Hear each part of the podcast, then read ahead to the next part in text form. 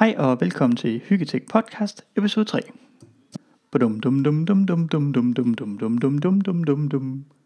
Badum dum dum dum dum dum dum dum dum dum dum dum dum dum dum. I den her uge skal vi snakke om nye Google Apps, opfølgning på VPN fra sidste uge, status på iMac som næsten alting stationær dims, Apple Watch Series 3 og ugens anbefaling handler om sikkerhed. Jeg kunne godt tænke mig at starte i dag med at snakke lidt om e-mail. Den her legacy outdated platform, som vi vil egentlig kun bruger, fordi at det er den eneste universelle beskedstandard, som bredt bliver brugt. Og det vil sige, at hvis man skal have fat i nogen, som man ikke tidligere har haft som kontakt før, så er det via e-mail. Øhm, jeg har fem e-mail-konti, som jeg skal taste brugernavn og password ind på hver af mine enheder. Jeg har altså ret mange forskellige dimser. Øh, og det får jeg selvfølgelig ikke gjort. Øh, jeg, jeg misser jævnlige e-mails, fordi jeg ikke lige har fået sat øh, min e-mail-account op på, på det device, jeg sidder med. Jeg tror, jeg har omkring 3.000 e-mails lige nu, der ikke er læst. Og det er måske 3% af dem, der er vigtige, men det er alligevel også noget, og som sagt, jeg misser jævnlige e-mails, og, og en gang imellem, så er det jo der vigtige ting. I løbet af ugen, der hørte jeg en podcast med en, der snakkede om, at e-mail jo virkede fint nok for ham, og at øh, alle e-mails, øh, de var da læst og fordelt, når dagen var om for, for hans vedkommende, og det, det synes jeg lyder helt vildt. Altså, at, altså han læser simpelthen alle e-mails, han får. Øh, jeg ved ikke, hvordan han gør det. Øh, jeg, jeg, jeg kan ikke gøre det på nogen måde. Altså, det er fuldstændig urealistisk for mig. Øh, det her begreb øh, inbox zero, det har jeg heller aldrig forstået at der er nogen, der har inbox zero, at de simpelthen kan øhm,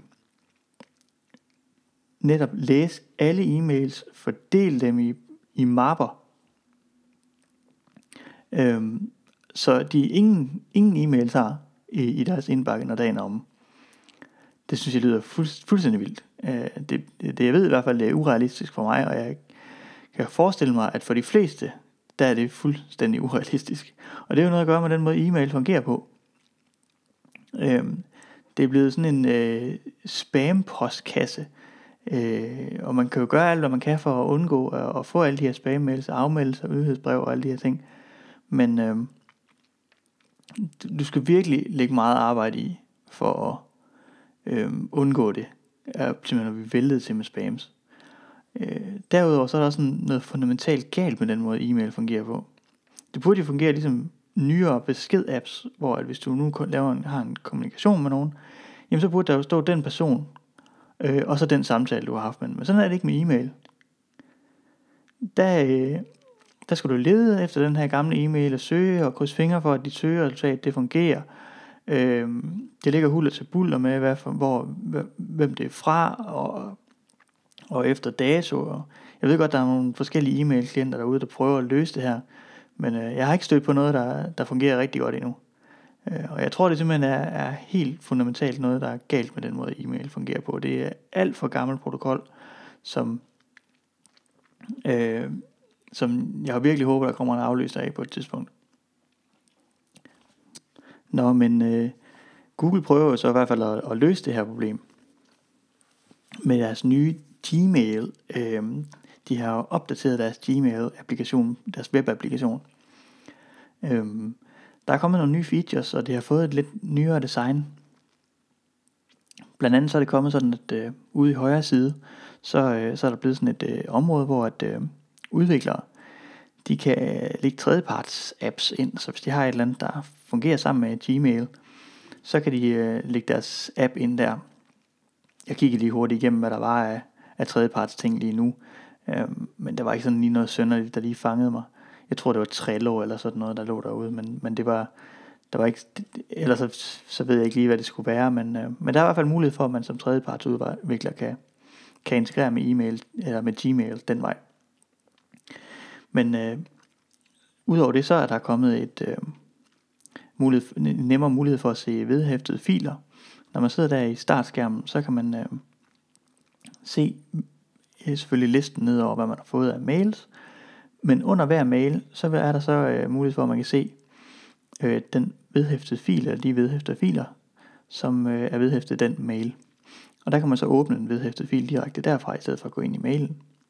Det synes jeg er smart nok.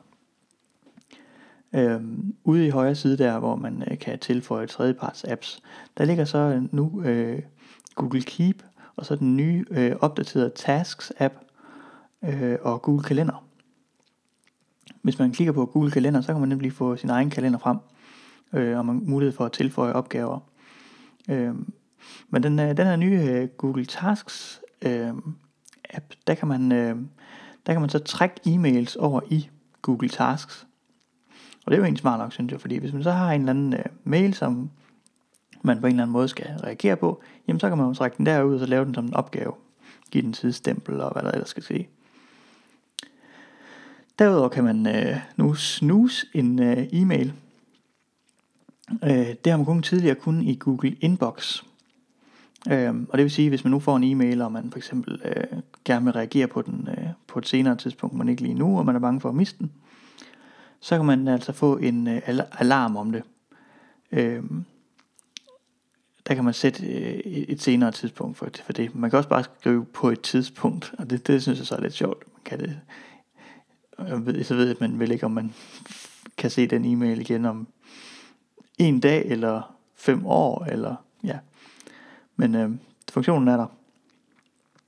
Øh, der er åbenbart også mulighed for, at man kan unsend en e-mail. Altså, at man kan trække en e-mail tilbage. Og den grublede jeg lidt over den funktion. Øhm, fordi det skulle altså være sådan, at hvis du har sendt en e-mail, så kan du stadigvæk slette den vel, så modtageren ikke kan se den. Men jeg tænker, det må jo også afhænge af, hvilken e-mail udbyder øh, modtageren har.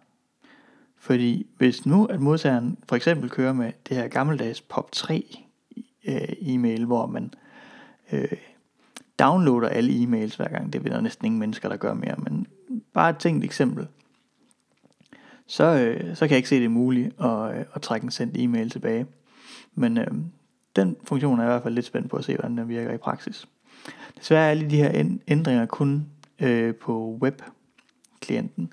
Og det synes, det synes jeg så er lidt ærgerligt, fordi at, øh, jamen jeg synes, øh, det kunne være rigtig fedt med en native øh, Google e-mail klient på Mac og Windows for eksempel.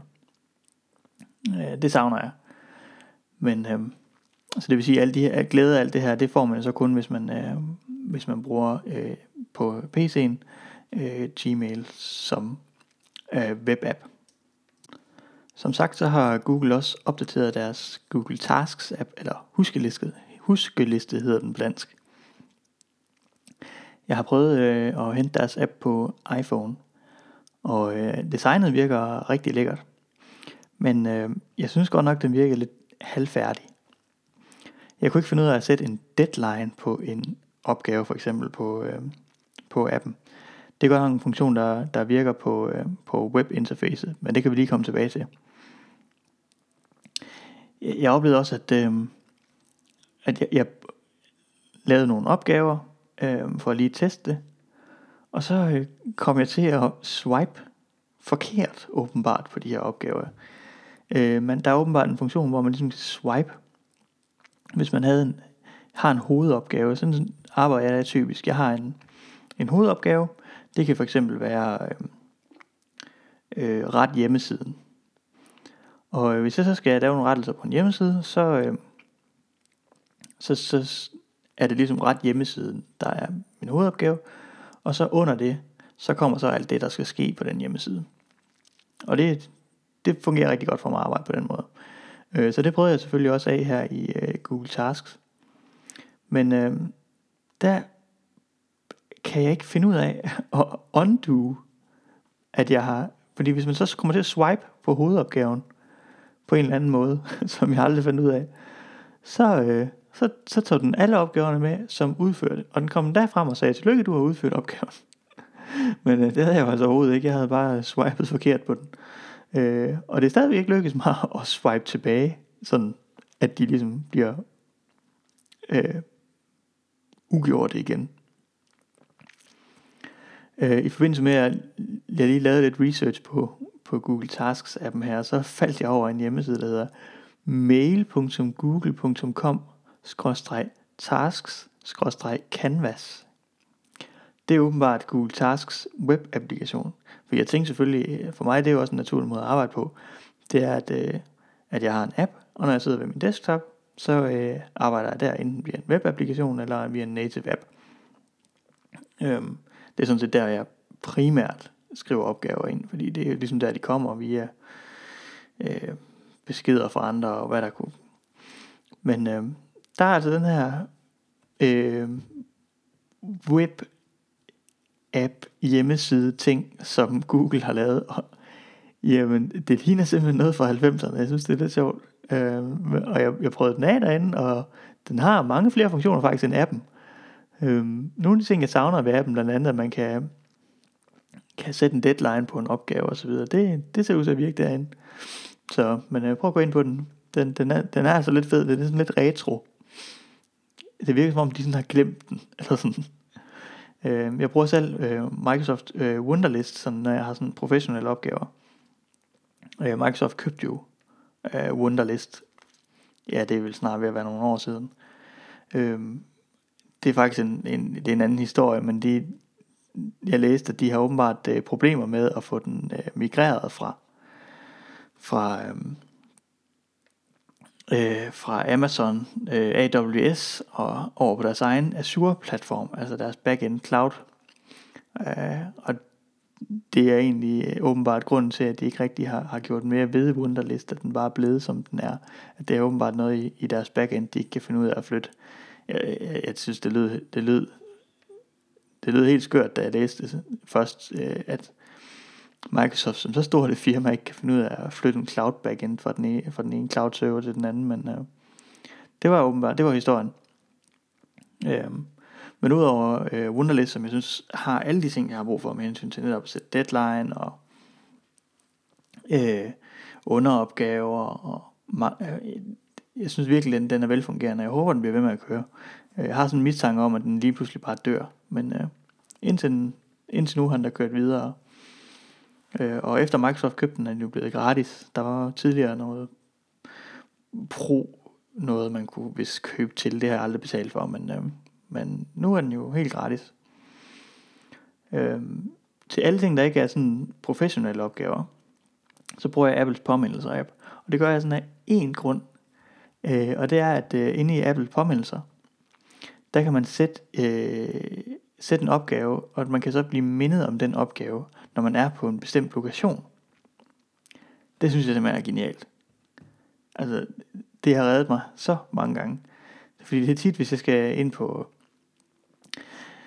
øh, et kontor, eller hente et eller andet, eller noget, men det skal bare være, når jeg, næste gang jeg er der, jamen så, så skriver jeg det jo bare ind, og så plinger den på telefonen, lige når jeg kommer op der, hvor jeg skal være. Det kan også være, at øh, der er et eller andet bestemt, jeg lige skal huske at spørge en kammerat om, næste gang vi ses. Så skriver jeg deres adresse på, og næste gang jeg er ude og besøge dem, så plinger den jo ind. Det, det, jeg, jeg troede ikke, øh, jeg ved ikke om grund til, at, at det ikke virker med, med andre apps. Jeg tror måske, det er fordi, at Apple de begrænser det der at, til deres egen, men øh, det, det er i hvert fald for mig total game changer. Nu kunne jeg godt tænke mig lige at øh, samle en lille smule op på, på vores snak om VPN i sidste uge. VPN og dynamisk DNS. Øhm, fordi jeg har i mellemtiden, der har jeg jo der har testet lidt på en uh, Raspberry Pi. Og jeg synes, det er en oplagt måde at, at komme i gang med VPN og dynamisk DNS på. Dynamisk DNS, det er jo den her service, som, øh, som står og overvåger ens øh, IP-adresse. Og øh, så giver den dig et øh, DNS-navn i stedet for. Og øhm, så skal du bare, hvis du skal forbinde til din, øh, til din IP derhjemme, jamen så forbinder du bare til det her DNS-navn, og så selvom din IP-adresse den skulle skifte, så, øh, så holder Dynamisk DNS øje med det, og giver dig altid den aktuelle IP-adresse. Øhm, Dynamisk DNS, eller Dyn DNS, som man kan bruge til det, øh, som service, der skal man have en øh, klient kørende på ens netværk, som jo hele tiden kan sende øh, den aktuelle IP-adresse til DynDNS for eksempel. Det kan være en Mac eller en Windows PC. Øh, det kan være en router eller en NAS. Eller det kan også være en Raspberry Pi for eksempel. Det skal bare være noget, der, der er på ens netværk, som kan køre den her Dyn DNS klient. Øhm, der findes øh, et, øh, et lille program, som hedder DD Client, som man kan installere, hvis man har en Raspberry Pi. Ens Raspberry Pi, den skal køre den almindelige version af Raspberry, tror jeg den hedder. Øhm, og øhm, der kan man så installere den her DD-klient. Øh, det fede ved den her DD-klient, det er, at øh, den er super nem at sætte op. Øh, der findes selvfølgelig øh, guides derude. Bare google efter DD-klient, så kommer det helt sikkert frem som noget af det første. Men, øh, men i hvert fald vil jeg anbefale den, fordi at, øh, det er nemlig sådan, det er bare at klikke nærmest næste, næste, næste, og så taste ens brugernavn og password ind til, til ens øh, Dyn DNS konto. Og vælge, at det for eksempel er Dyn DNS, man bruger. Øh, og så er man sådan set op at køre. Øh, men udover det, så, øh, så kan man jo lige så godt også køre sin øh, VPN-server på en Raspberry Pi. Ens VPN-server, den vil man jo også godt have til at køre på, på et device, som er tændt hele tiden. Og der har Raspberry Pi jo flere fordele. Det der med at blandt andet, at den, den bruger jo ingen strøm, men også at den ikke fylder noget som helst. Så, øhm, så der kan man øh, installere et, øh, et program, der hedder PyVPN. Øhm, med PyVPN, så kan du installere en OpenVPN server på ens Raspberry Pi. Øh, OpenVPN, det kan godt være en lille smule kompliceret normalvis at sætte op, fordi man skal lave certifikater og så videre på ens øh, VPN-server. Men med øh, PyVPN, så tager den sig selv af alt det der for en. Øh, man skal også sætte den op til hvilket IP-range, at man tildeler IP'er fra, og, og hvilket subnet, som det skal øh, ens klienter, de skal logge på efterfølgende. Og der er nogle forskellige øh, sådan, lidt mere tunge indstillinger, som man lige skal i hvert fald lige vide, hvad man laver, når man sætter sådan en, en VPN-server op. De fleste guides derude, de tager selvfølgelig en igennem det, men, men den her PyVPN, den tager sig sådan set af alt det der for en. Og nu har jeg testet den her de sidste uges tid, og øh, for mig der kører den fuldstændig stabilt. Øhm, og den har nemlig også sådan en, øh, et, øh, sådan et installationsjob, øh, som bare man kan køre på sin øh, Raspberry Pi. Og, øh, og så tager den så bare igennem sådan en grafisk installation der, hvor man sådan set bare næsten trykker næste, næste, næste igennem, igen, igennem det hele, og, og så er man op at køre. Øh, hjemmesiden til det hedder pyvpn.io. Jeg har længe øh, haft en drøm om at have en computer, som jeg, øh, jeg kunne lave alt, hvad jeg sådan gør ved en computer på den computer. Altså kun have en PC, som, altså i hvert fald kun en stationær PC. Øhm, og det har længe øh, været en udfordring for mig, fordi øh, jeg vil jo ikke lægge skjul på, at jeg er stor fan af Apples ting. Men øh, en af de ting, som jeg jo blandt andet øh, gør på min computer, det er jo, at jeg gamer. Og gaming på øh, Mac, det har ikke rigtig fungeret i mange år. Man, øh, man kan jo installere Bootcamp på sin øh, Mac, og så kan man så køre Windows og, og game på den måde. Men øh, et af problemerne på øh, Mac, det er ikke kun styresystemet. Det er også, at, øh, at meget af Apples hardware ikke øh, understøtter gaming særlig godt. Øh, de fleste øh, Apple computere, de har ret dårlige faktisk grafikkort.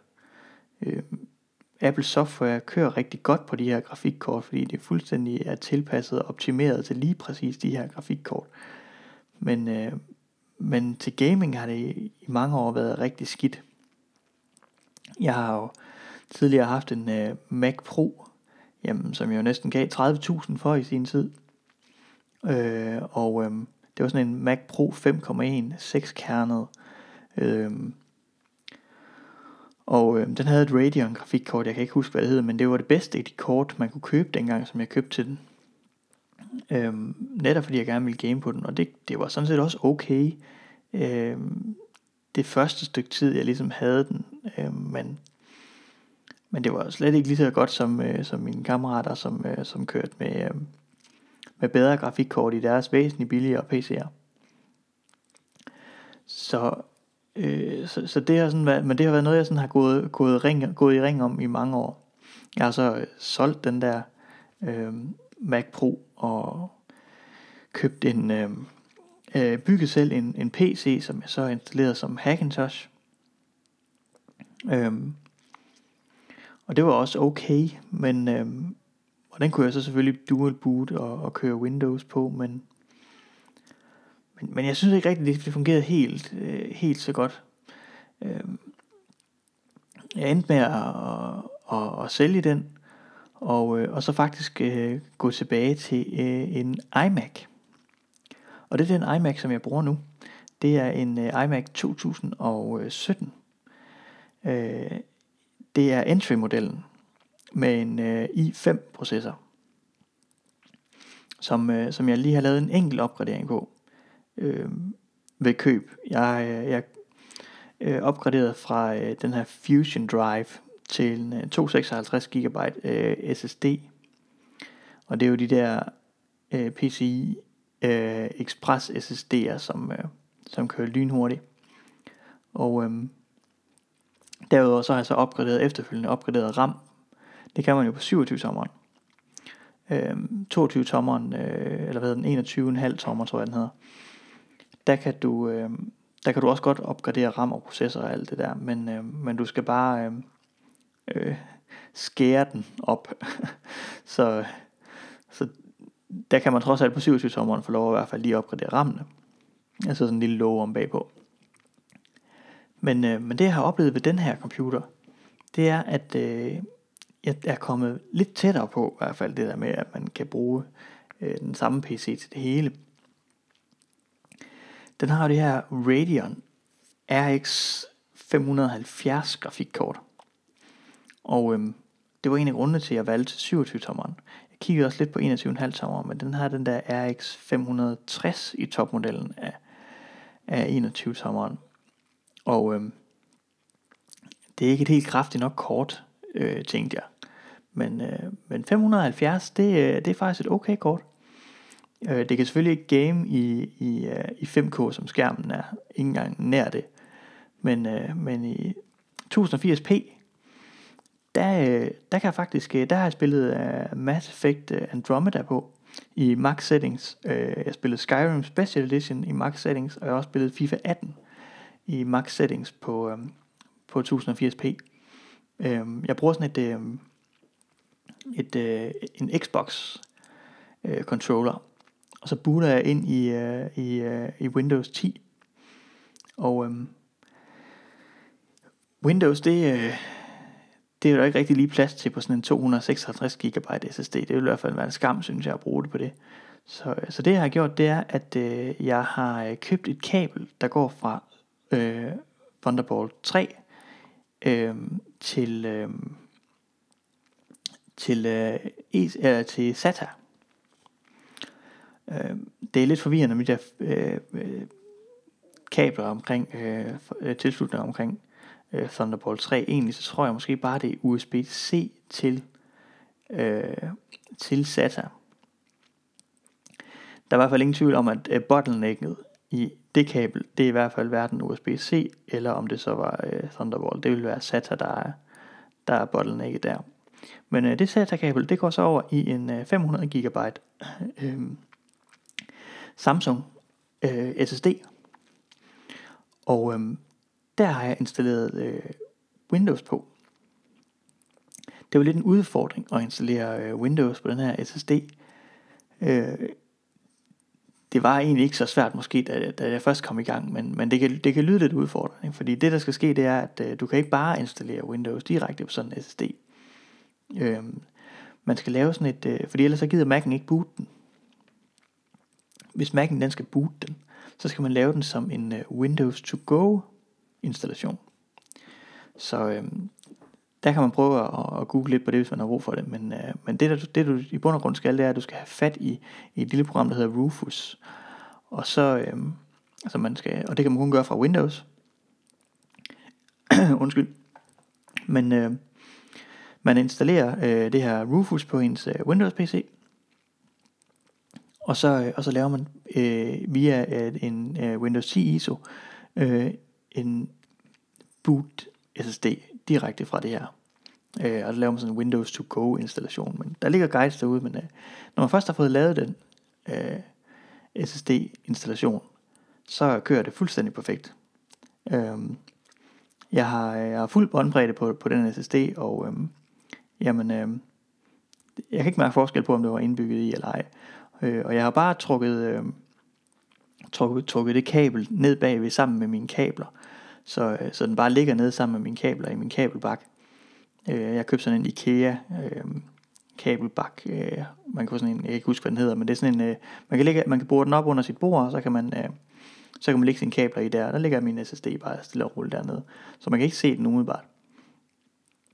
Øhm, derudover så har den her iMac, den har jo også øh, altså, noget af den, den bedste skærm, simpelthen, øh, jeg nogensinde har haft.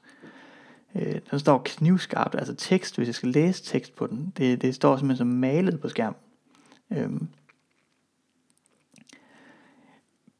nogle gaming-nørder vil måske sige, at den kører kun 60 Hz, men øh, for mig der er det altså fint nok. Øh, jeg er jo ikke sådan, jeg kan godt lide at game, men hvis jeg var mere dedikeret gamer, så havde jeg nok haft en sådan hardcore gaming PC til at stå. Øh, Øh, men den her, den dækker i hvert fald mit behov. Og jeg havde måske også haft behov for at game i mere end 1080p, men øh, jeg synes, det her det er virkelig fint. Øh, det, det, det her det har gjort, at, at jeg, øh, jeg kan podcaste, øh, jeg kan lave min, øh, øh, mit øh, sysadmin arbejde på den, øh, og, øh, og som sagt game på den, jeg kan øh, Xbox controlleren, den kobler på direkte via det indbyggede Bluetooth i den, så der er ikke noget kabel eller noget som helst.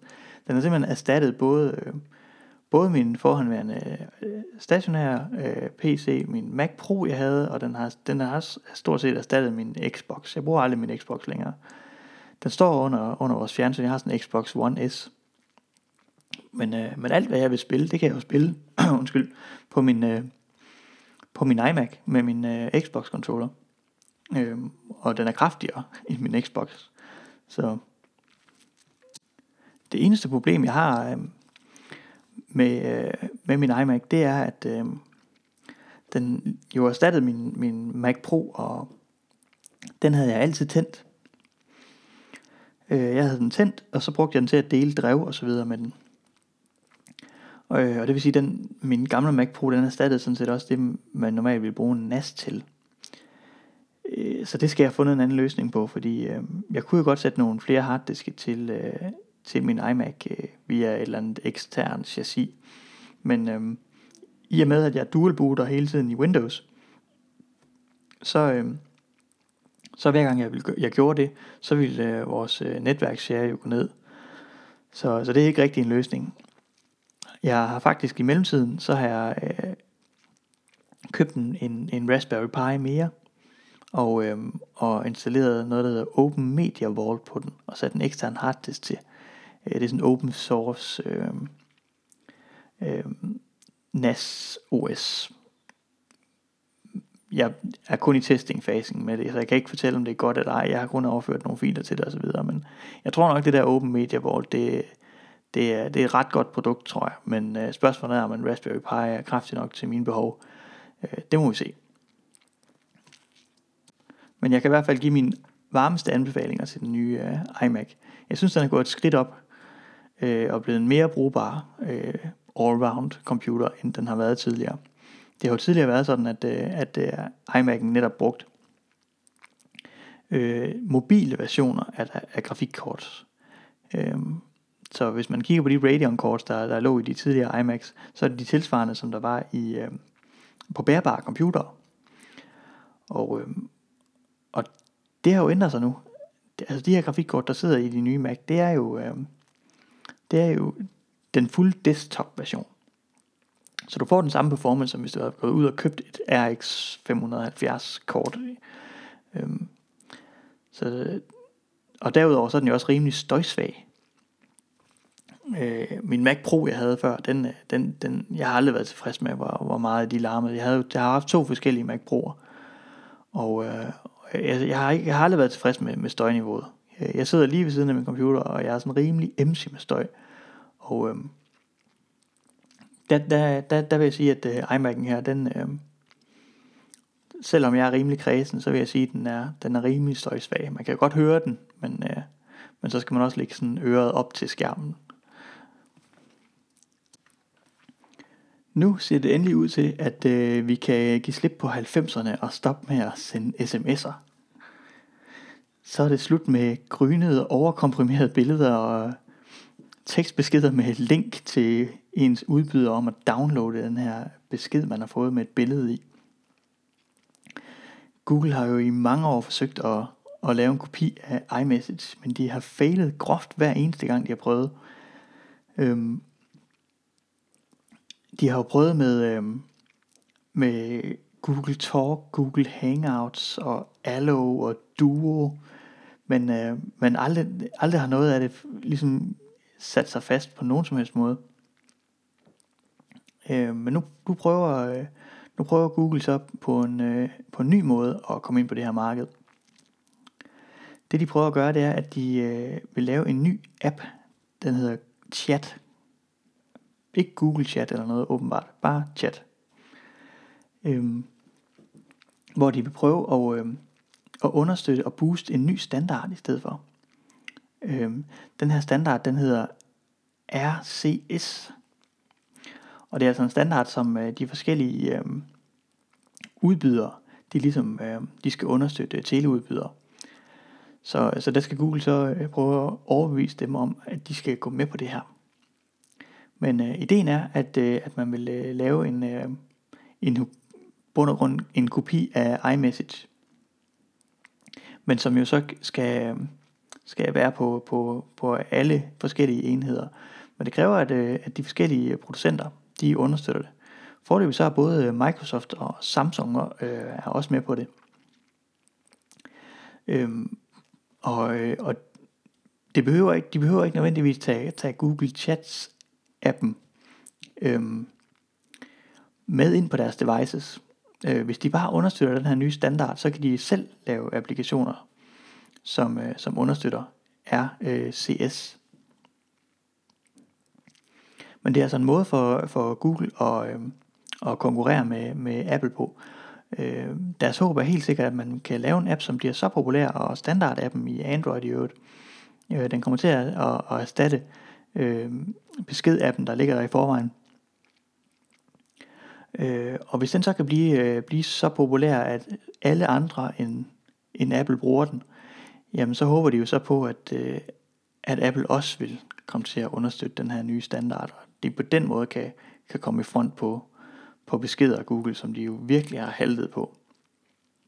Så nu er det som sagt, forhåbentlig er der udsigt til, at vi kan, kan undgå de her slørede billeder. Den understøtter selvfølgelig fuldstørrelse billeder og, og de her ting med, at man kan se, at, om beskeden er leveret og læst. Øh, alle de her moderne ting, øh, som vi har været vant til fra, fra iMessage og andre øh, Facebook Messenger og hvad der ellers er.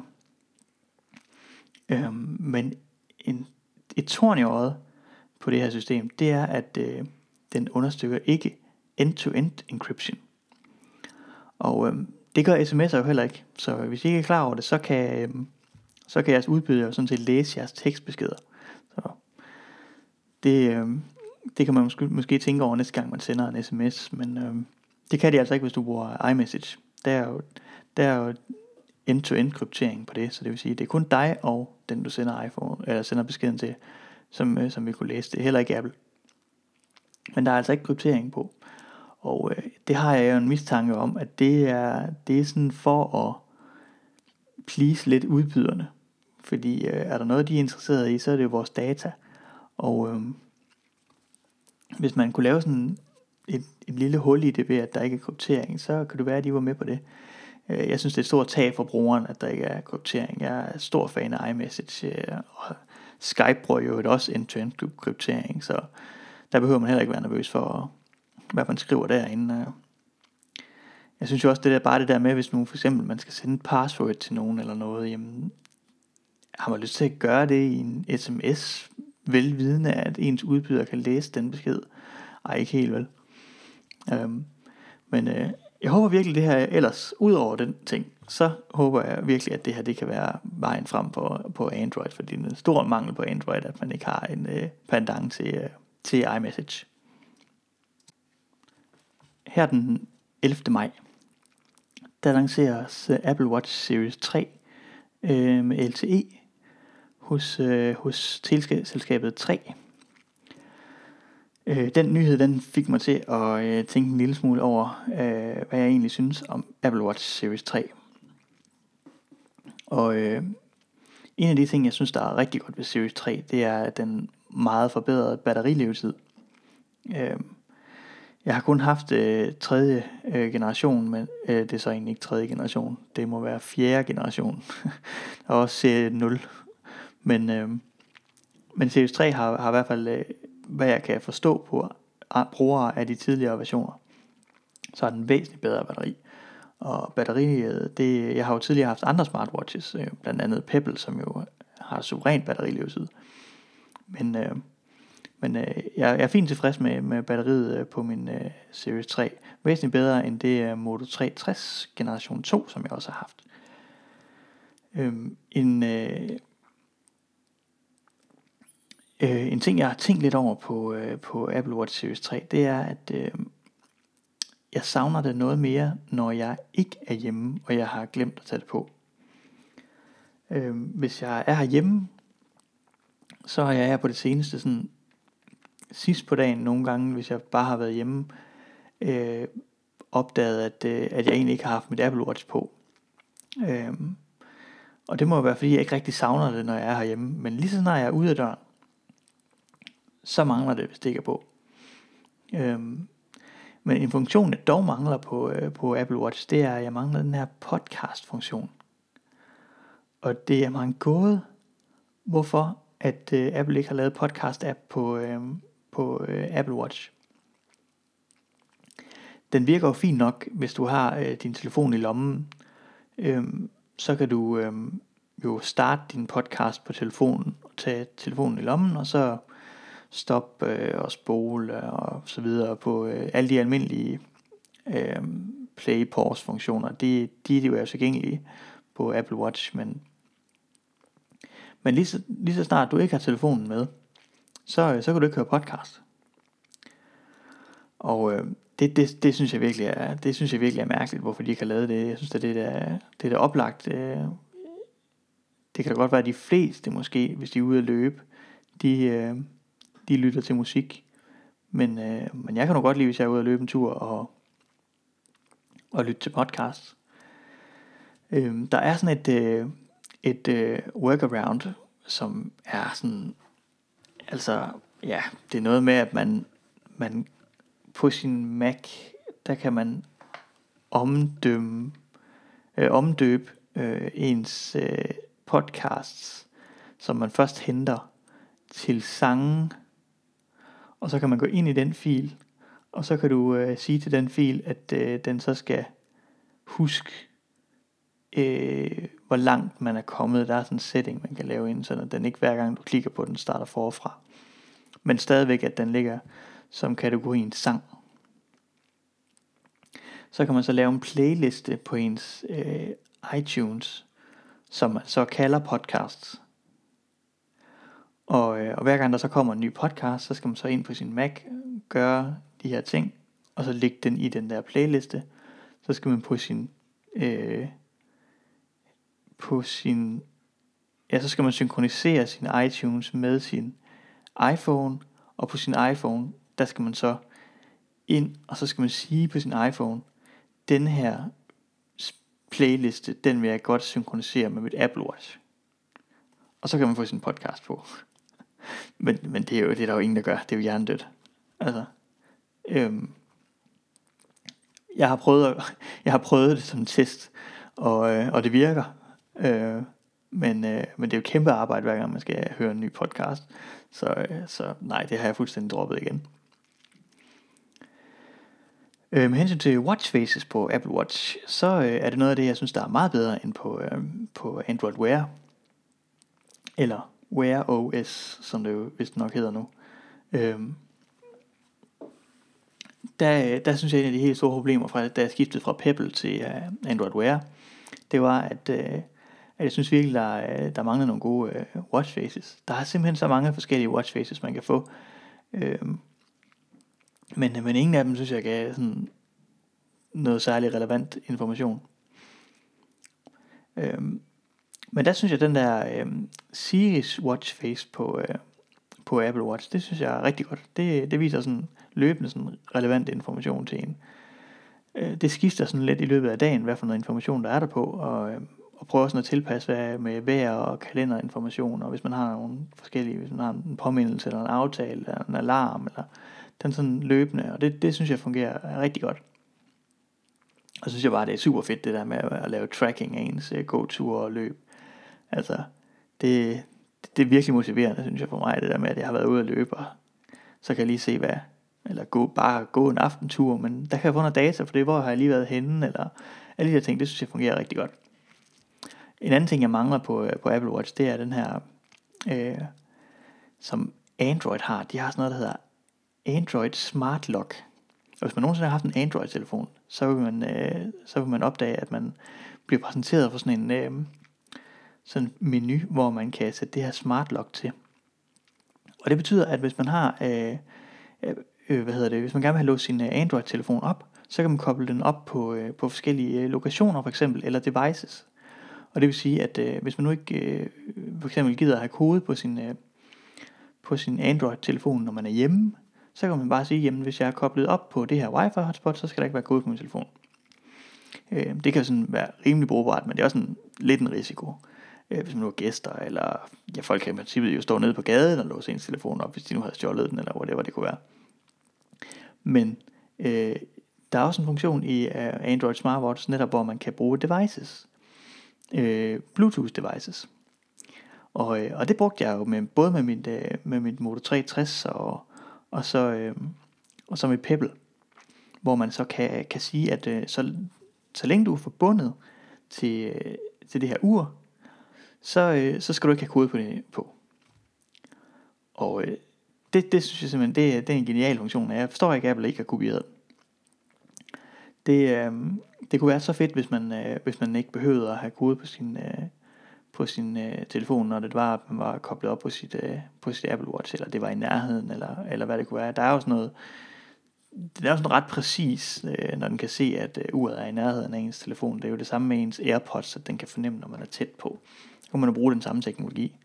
Øh, men øh, det, det, det synes jeg er lidt ærgerligt, man ikke har, man ikke har brugt mere af det. Men ellers så, øh, så synes jeg, det er et super fedt ur. Og, øhm, og det er jo, der er der mange, der vil få glæde af det, når det øh, kommer med, øhm, med LCE. Det, det er jeg sikker på. For mit vedkommende, der, der dyrker jeg simpelthen ikke nok motion til, at det vil kunne svare sig. Men øhm, er rigeligt tilfreds med det, at det ikke har, har LTE, og jeg tror heller ikke, at når jeg, hvis jeg engang skal have opgraderet det her Apple Watch til en nyere version, så er jeg ikke sikker på, at jeg vil kigge på LTE-versionen, også selvom det var hos min udbyder. Øhm, det er jo så lidt ærgerligt, at det kun er hos 3, men øh, man kan håbe på, at det, er, at det kun, er, kun er en start. Så er vi kommet til den her uges anbefaling. Det jeg vil snakke om øh, i den her uge er noget, jeg virkelig håber, at alle, der lytter til det her, øh, de bruger i forvejen og det handler om øh, sikkerhed. I skal næsten prøve at gå ind på en hjemmeside, der hedder haveibeenpwned.com og det staves WNED. Der kan man altså gå ind, og så kan man tage sin e-mailadresse ind, og så kan man se om nogle af de øh, hjemmesider eller services, hvor man har brugt den her e-mailadresse eller brugernavn som, øh, til at øh, logge ind med, om, om de services de er blevet hacket. Og øh, det er en kæmpe stor database det der, øh, hvor at, øh, som jævnt bliver opdateret hver gang, at øh, der sker nye hacks. Og, og egentlig en rigtig smart måde at se på, om, øh, om man har noget at være, være nervøs for det. Man kan roligt bruge den. Øhm. men øh, det der jo egentlig sker, når, når ens hjemmeside, øh, man har brugt til at logge ind på, den er blevet hacket, jamen, så er det jo typisk, at, at så, øh, så er der risiko for, at det password, man har brugt på den hjemmeside, at det er blevet, øh, det er blevet leaked. Og øh, det kan jo godt gå hen og blive et problem, fordi øh, for rigtig mange mennesker, der, øh, der bruger de det password mere end bare et sted. Og det vil sige, at øh, hvis man har øh, brugt sit password, til, øh, det password på en eller anden hjemmeside, og det kan være alt muligt, altså selv Dropbox har været hacket, Plex har været hacket, nogle mange af de store services har været hacket gennem tiden. Jamen, øh, så er det jo frit for, fordi at, øh, så findes de, øh, det password jo ude på internettet, og øh, jamen så kan folk jo bare prøve det password af, øh, sammen kombineret måske med ens brugernavn, eller hvad man gætter sig frem til, øh, på andre services. For at komme ud over det her problem, så, øh, så har man noget, der hedder password managers. Og øh, som sagt, så er det noget, jeg virkelig håber, at alle bruger, og hvis man ikke bruger det, så er det bare med at komme i gang, fordi det er en måde at komme ud over det her problem på. Den måde, det fungerer, er, at man, øh, man har et program, øh, som man øh, gemmer alle sine passwords i, passwords i. Men man gemmer ikke kun sine passwords deri, man bruger det også til at generere passwords. Og det vil sige, at øh, hvis man så for eksempel øh, skal til at oprette en ny bruger på en eller anden hjemmeside, jamen så bruger man typisk sin øh, e-mail som brugernavn. Og det er der jo heller ikke noget galt i. Altså, ens e-mail, den burde jo ikke være hemmelig. Men, øhm, men passwordet, det kan man så generere i en password manager. Og det vil sige, at øhm, det bliver så, der kan man så øh, sætte en eller anden øh, standard for, hvor, hvor kompliceret det password skal være. Øh, og der kan du bare gøre den så kompliceret som muligt, fordi du kommer aldrig nogensinde til at skal huske det her password. Og det er også det, noget af det gode ved en password manager, det er, at man ikke skal rende og huske på sine passwords. Så man, øh, man taster simpelthen bare, øh, den genererer en øh, lang streng, og så taster man det ind som password på, øh, på den hjemmeside, man er ved at oprette sig på. Og næste gang man skal logge ind på den hjemmeside, jamen så bruger man så sit master password, som man så kan huske. Det ene password, man kan huske. Det bruger man til at logge ind i sin password manager, finde sit lange password til den her hjemmeside, og paster det ind, og så er man inde.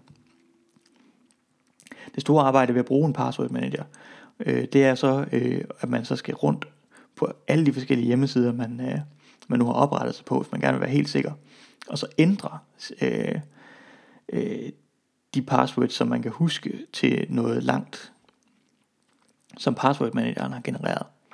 Og øh, øh, det, det ligger der selvfølgelig lidt arbejde i, men når man først har gjort det, så, øh, så kan man altså godt have ro i maven, fordi så ved man, at alle de her forskellige hjemmesider, jamen de kan jo blive hacket lige så tosset man vil, men de kan jo max, øh, øh, man, man kan jo max få adgang til det password, eller til den service, som nogle gange er blevet hacket, og man kan ikke bruge det til at komme videre med.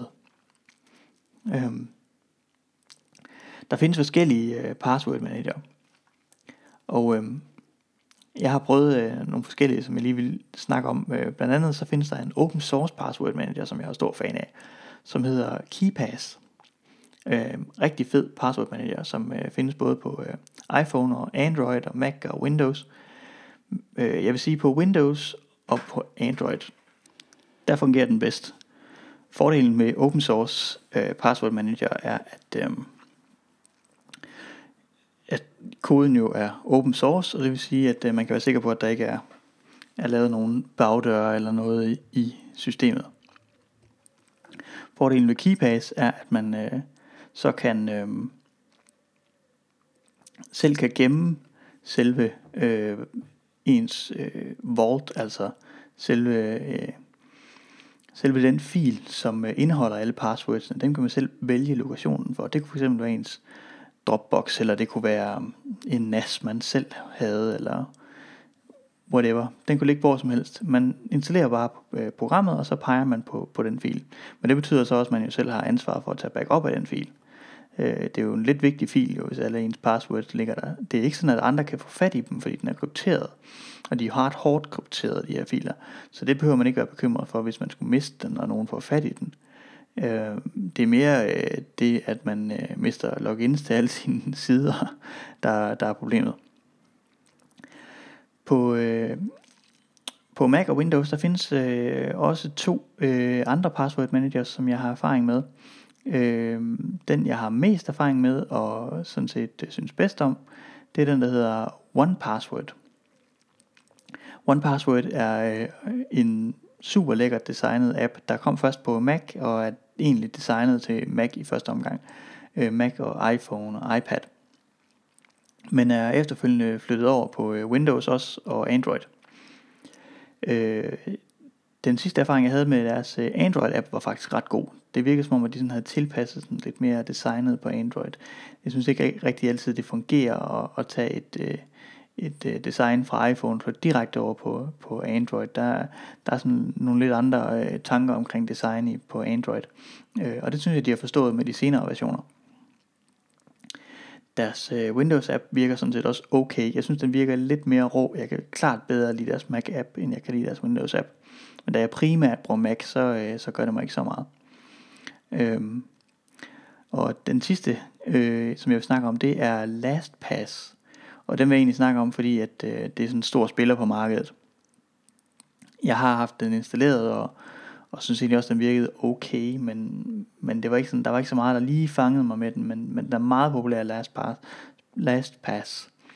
Øh, så, øh, så jeg er sikker på, at, øh, at øh, er sikker på, at, det, at den vil fungere for, for langt de fleste. Så mangler jeg bare at sige øh, tak for denne gang. Øh, tak fordi du lyttede med. Øh, husk at subscribe på øh, Hyggetech på iTunes, SoundCloud og Pocketcast. Hej hej.